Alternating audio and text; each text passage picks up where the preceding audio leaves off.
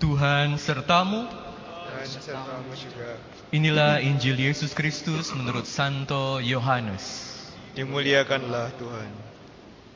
Sekali peristiwa Yesus berkata kepada orang-orang Farisi, Aku berkata kepadamu, sesungguhnya siapa yang masuk ke dalam kandang domba dengan tidak melalui pintu, tetapi dengan memanjat tembok, ia adalah seorang pencuri dan seorang perampok. Tetapi siapa yang masuk melalui pintu, ia adalah gembala domba. Untuk dia penjaga membuka pintu, dan domba-domba mendengarkan suaranya. Ia memanggil dombanya masing-masing menurut namanya, dan menuntunnya keluar.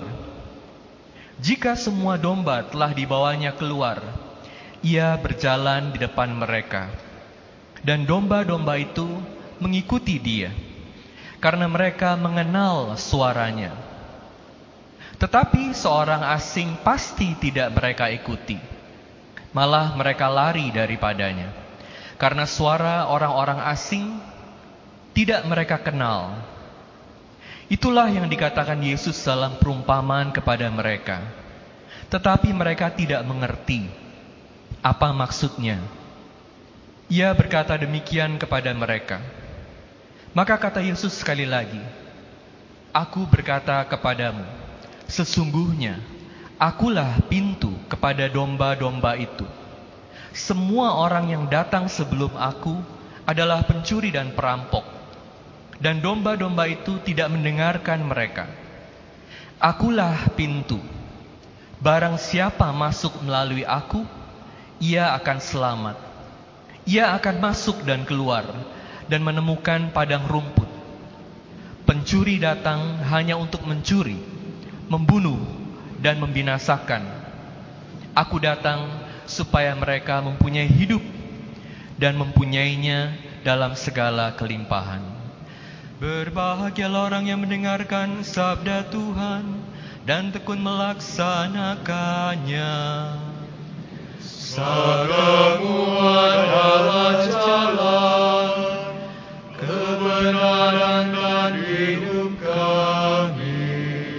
Demikianlah Injil Tuhan. Terpujilah Kristus. Tuhan adalah gembalaku. Aku tidak kekurangan. Aku dibaringkannya di padang rumput yang hijau, dekat air yang tenang. Saudara-saudari sekalian terkasih dalam Kristus, hari ini kita merayakan hari Minggu Tuhan Yesus sebagai gembala yang baik, pastor bonus, the good shepherd. Dan kita juga merayakan hari Minggu panggilan. Dalam Injil hari ini kita mendengarkan satu bacaan yang sangat indah yang diambil dari Injil Yohanes dan setiap minggu keempat dalam masa Paskah selalu Injilnya diambil dari Injil Yohanes bab 10 mengenai Yesus sebagai gembala yang baik. Saya mau mengajak Anda untuk melihat figur Yesus sebagai gembala yang baik lebih dekat dan tempat atau tujuan di mana kita mau dibawa oleh sang gembala yang baik ke padang rumput yang hijau sebagai visi hidup kita. Dan ketiga kita sebagai domba apa yang kita bisa lakukan apa yang kita perlu lakukan visi yang mau disampaikan oleh Santo Yohanes dalam bacaan Injil ini adalah yang dikatakan dalam Yohanes 10 ayat 10 Aku datang untuk memberi hidup hidup yang berkelimpahan. Sang gembala Yesus sendiri datang bukan untuk membawa kita pada satu hidup yang penuh dengan keraguan penuh dengan kekhawatiran hidup yang diseret-seret hidup yang tidak ada semangatnya tapi sang gembala mau membawa kita pada padang rumput yang hijau. Itu artinya satu hidup yang penuh arti, satu hidup yang penuh perayaan. Seolah-olah kalau dalam perayaan kita bilang to life, kepada hidup. Karena sungguh hidup adalah berkat dari Tuhan yang kita perlu rayakan. Sayangnya ada banyak orang yang belum sungguh-sungguh hidup secara berkelimpahan, hidup dalam rahmat Tuhan. Hidup itu bisa sangat indah. Beberapa bulan yang lalu saya ikut uh, acara weekend marriage encounter dan salah satu pembicaranya adalah Bapak Uskup Monsir Sutikno. Ada satu hal yang saya selalu ingat sampai hari ini yang beliau katakan. Dalam hubungan suami istri, setiap pasangan dipanggil untuk mencintai, mengasihi satu dengan yang lain dengan kasih yang berkobar, kasih yang membara. Image ini, kasih yang berkobar, ini adalah melambangkan satu hidup yang penuh. Dan itu yang mau disampaikan juga oleh Injil Yohanes. Sang gembala yang tidak lain adalah Yesus sendiri mau membawa kita pada kelimpahan hidup itu. Yesus mengenal kita satu persatu. Seperti dikatakan dalam Injil, apa yang dilakukan oleh sang gembala? Sang gembala memanggil dombanya satu demi satu, namanya dia kenal, dan sang gembala ini melindungi dombanya karena ada pencuri-pencuri yang datang yang mau membahayakan domba-domba itu yang panjat tembok dan sang gembala ini memimpin domba-dombanya ke padang yang hijau. Yesus adalah seorang gembala yang mengenal kita satu persatu. Tapi dia bukan hanya kenal kita dalam arti tahu kita, tahu nama kita. Lebih dari sekedar tahu nama kita, dia mengerti kita. Untuk bisa mengerti itu nggak gampang. Dalam hidup kita senang sekali kalau ada orang yang bisa mengerti kita. Dan untuk bisa saling mengerti satu dengan yang lain, itu sering kali butuh waktu. Kita harus diam, sungguh-sungguh mendengarkan, mencerna, menyelami, supaya bisa mengerti, supaya bisa ada satu komunikasi yang jalan. Tapi Yesus bahkan tidak berhenti hanya dimengerti saja. Dia bukan hanya mengerti kita. Apa yang Yesus inginkan dari kita? Yesus mau selalu memberikan yang terbaik buat kita. Karena dia adalah sahabat kita. Dikatakan juga dalam Injil Yohanes, kamu adalah sahabatku. Seorang sahabat selalu menginginkan yang terbaik dari sahabatnya. Oleh karena itu, Yesus sang gembala bersedia melakukan apa pun demi dombanya. Pagi-pagi gembala ini udah siapin domba-dombanya dan panggil, kumpulin satu persatu. Bawa keluar lewat pintu kandang dan dibawa ke padang yang hijau. Walaupun harus lewat lembah yang kelam, gak perlu takut karena sang gembala yang baik selalu menyertai. Sang gembala yang baik selalu melindungi dari semua bahaya. Sang gembala yang baik selalu bersedia memberikan hidupnya buat semua domba-domba. Lalu sesudah puas di padang rumput yang hijau, satu perayaan pulang kembali, istirahat di kandang hari demi hari, hari demi hari, sehingga Dia mengenal kita, mengerti kita, dan selalu berusaha memberikan yang terbaik buat kita. Itu adalah Sang Gembala yang baik. Syukur pada Tuhan, kita punya gembala yang baik. Tapi sekali lagi permasalahannya, walaupun ada sang gembala yang baik, kenapa ada banyak orang yang tidak bisa punya hidup yang berkelimpahan? Ini karena walaupun kita semua adalah domba-domba, dan sebagai hewan domba ini dikenal bodoh dan tidak bisa melindungi diri, sangat tergantung pada gembala. Namun, domba bukan tidak punya peranan. Domba punya peranan yang juga sangat penting supaya semua bisa sampai ke padang rumput yang hijau. Apa yang domba perlu lakukan? Domba pertama-tama seperti dikatakan dalam bacaan Injil perlu mendengar. Mendengarkan dengan baik. Domba juga perlu lari. Kalau ada dengar suara yang asing. Karena orang asing ini mau mencelakakan. Domba juga sesudah mendengar dan menghindar dari bahaya perlu ikut serta berjalan mengikuti sang gembala. Bagaimana dengan kita? Tuhan Yesus adalah sang gembala yang baik. Kita sebagai domba sudah lakukan belum bagian kita?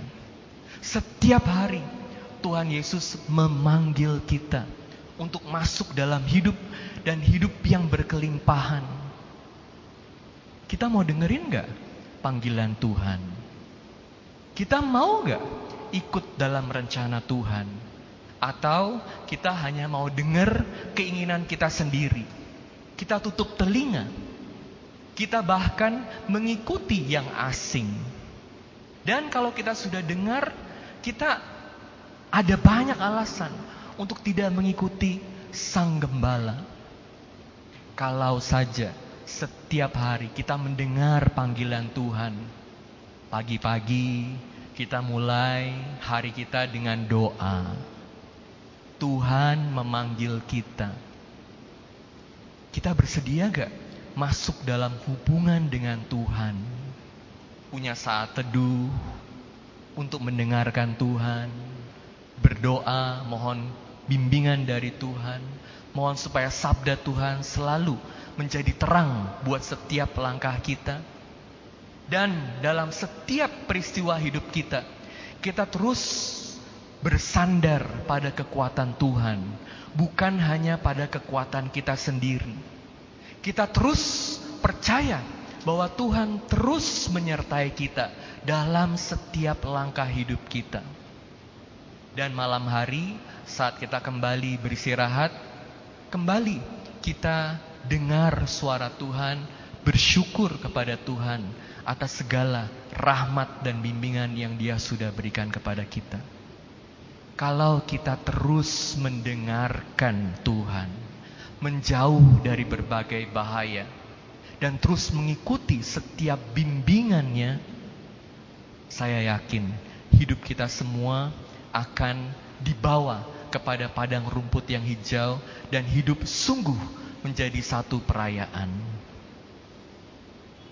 Sebagai cerita penutup, saya mau mengajak Anda sekalian untuk mengingat seorang santo yang kita baru saja rayakan tanggal 30 April. Kita peringati tanggal 30 April, yaitu Santo Pius kelima. Beliau adalah seorang paus Dominikan dan salah satu paus di milenium kedua yang diakui oleh gereja kesuciannya dan diangkat menjadi santo. Hanya ada delapan di milenium kedua ini paus yang diangkat jadi santo dan salah satunya adalah paus Pius yang kelima. Mungkin anda sudah tahu bahwa paus Pius yang kelima ini terkenal karena beliau ini menginstitusikan bulan Oktober sebagai bulan Rosario. Bagaimana sejarahnya? Saat itu Eropa di abad ke-16 Paus Pius kelima ini lahir tahun 1504 dan meninggal tahun 1572. Saat itu waktu beliau jadi paus, Eropa ini sedang diserang oleh kerajaan Ottoman Turki. Dan serangan ke Eropa ini mulai dari abad ke-14. Mereka terus menerus, terus menerus digerogoti sampai kehilangan banyak wilayah. Banyak permasalahan juga saat itu. Dan saat itu Eropa terpecah karena ada Protestantisme. Jadi yang seharusnya mereka bersatu lawan kekuatan Ottoman, mereka malah terpecah. Jadi Paus Pius kelima harus buat banyak keputusan yang sulit. Banyak berhadapan dengan orang-orang besar, dengan raja-raja. Yang gak benar, dia harus hadapin. Salah satunya adalah dia berani mengekskomunikasikan Ratu Elizabeth pertama dari England.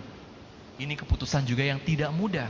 Saat dia perlu dukungannya, tapi dia harus ekskomunikasikan karena tidak jalankan yang benar. Dan saat itu dia harus persatukan raja-raja di Eropa. Syukur pada Tuhan, Paus Pius kelima bisa membawa raja-raja Eropa bersatu untuk melawan Ottoman Turki. Namun demikian kekuatan mereka masih kalah dibandingkan Turki. Jadi Paus Pius kelima mengajak semua orang umat Katolik di Eropa untuk berdoa rosario. Makanya mereka menang dalam peperangan di Lepanto dan sejak itu pelan-pelan mereka mulai pukul mundur uh, tentara Ottoman ya. Waktu itu jadi Eropa bisa selamat dan Paus Pius kelima ini uh, mengatakan bahwa kemenangan di Lepanto ini juga adalah karena bantuan dari Bunda Maria. Tentu ini adalah satu hal hebat yang beliau lakukan sebagai orang besar, orang yang punya keberanian luar biasa. Tapi apa yang ada di balik keberanian itu? Kenapa Paus Pius kelima bisa memimpin gereja dengan sangat baik? Bahkan waktu Paus Fransiskus jadi paus di hari pertama Paus Fransiskus sebagai paus yang dia lakukan adalah pergi ke Basilika Santa Maria Maggiore, doa mohon kekuatan penyertaan dari Bunda Maria, dan kunjungi makam dari Paus Pius kelima juga. Karena Paus Pius kelima ini adalah satu figur paus yang sungguh bisa menjadi panutan. Apa di balik kekuatan Paus Pius kelima? Devosinya yang sangat kuat terhadap salib Kristus dan rosario. Setiap hari beliau selalu menimba kekuatan dari salib Kristus. Sehingga walaupun ada banyak tantangan yang harus dihadapi, beliau nggak pernah mundur. Dan bahkan lewat berbagai tantangan yang harus dihadapi, beliau bertumbuh dalam kasih. Dan sungguh ini contoh juga yang diberikan dari Santo Petrus. Ingat ketika Petrus diminta untuk menjadi batu karang gereja, apa yang Yesus tanya pada Petrus? Petrus, apakah kamu mengasihi aku? Yesus katakan, "Ya." Petrus katakan, "Ya." Dan kemudian Yesus katakan, "Gembalakanlah domba-dombaku." Tiga kali apa yang paling penting dalam hidup kita? Bersandar pada kekuatan Tuhan, dengarkan Tuhan, ikuti bimbingannya, supaya makin hari kita semakin bertumbuh di dalam kasih Tuhan dan kekuatan Tuhan, karena Dia adalah gembala yang baik yang membawa kita ke padang rumput yang hijau. Amin.